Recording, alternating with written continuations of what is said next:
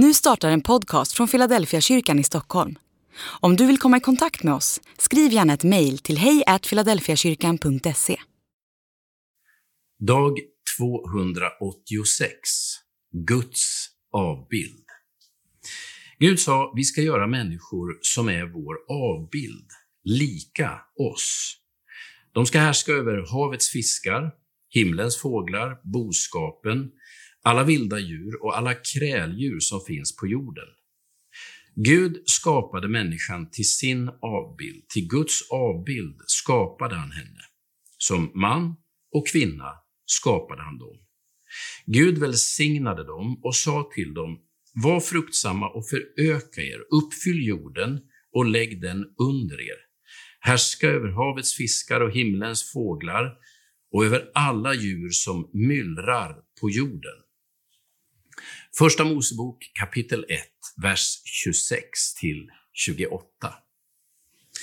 När Första Mosebok skrevs var de som kallade sig Guds avbild antingen kungar, faraoner eller människor med anspråk utöver det vanliga. Det var ett sätt att garantera sin egenart och skapa respekt hos omgivningen.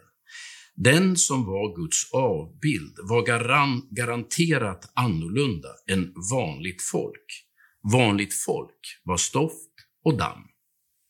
De kunde man använda som insatsvaror och förbrukningsmaterial, antingen för att bygga pyramider, vinna krig eller som handelsvaror i affärsuppgörelser. När Gud talar till Mose och Mose samlar ett slavfolk som Guds egendomsfolk, är identiteten en avgörande fråga. Är människan en förbrukningsvara eller något mer värdefullt? När Bibelns första bok skrivs så formuleras världshistoria. För första gången har människovärdet demokratiserats. Det är inte längre skillnad på människors värde beroende på deras härkomst, förmågor eller prestationer. Nu är varje människas värde förankrat i Gud själv. Varje människa som andas och lever är en påminnelse om Gud själv. Varje människa är skapad till Guds avbild och därför oersättlig.